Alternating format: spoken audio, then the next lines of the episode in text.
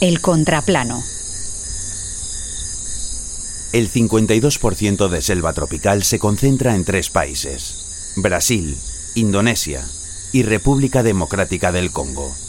Dos terceras partes de toda la biodiversidad de fauna y flora del planeta se encuentran en esas selvas y son esenciales para absorber el dióxido de carbono y evitar que el planeta, nuestro hábitat, no se caliente a nivel infierno.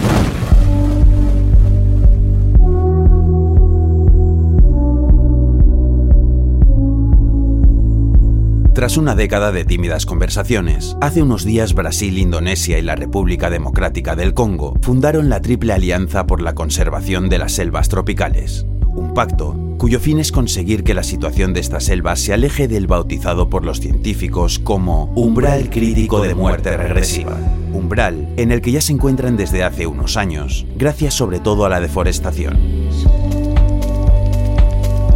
Según Naciones Unidas, entre 1985 y 2018, en el Amazonas se han deforestado 724.000 kilómetros cuadrados de selva.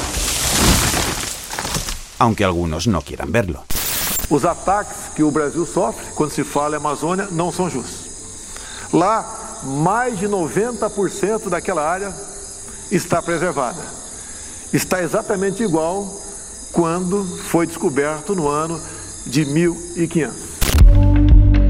¿Cuál es el plan de este triángulo proselvático para alcanzar sus objetivos? Presionar a los países que manejan la lana para que arrimen el codo en la conservación de las selvas, ser financiados para detener la deforestación y poder cuidar de ellas, en definitiva, del mundo, cosa que viendo por dónde ha girado la cumbre del G20, la nueva pantomima climática y las actuales políticas en lo referente a recursos energéticos, tiene pinta de quimera. Bella, pero quimera. Pan para hoy y muerte para mañana.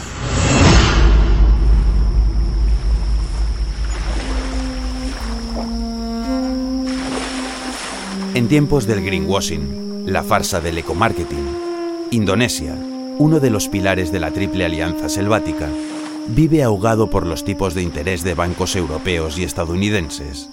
Durante el G20, esto la ha llevado a rogar a los países ricos para que multipliquen sus inversiones en sectores indonesios de energía y de materias primas relacionadas con la tecnología, níquel a la cabeza. ¿Y en dónde se nutren estos sectores? En las selvas tropicales, en concreto en las de la isla de Sulawesi. Allí las minas y fundiciones de níquel y las centrales eléctricas han contaminado todas las tierras y aguas del lugar, lo cual junto a la expropiación de tierras ha hecho que los agricultores hayan tenido que abandonar los campos donde cultivaban desde hace siglos.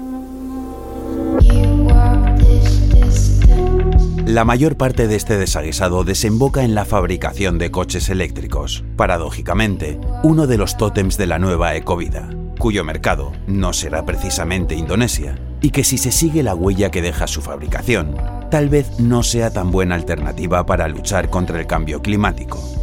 ¿Quién sabe? ¿Y si invertir en la quimera de la Triple Alianza fuese mejor opción?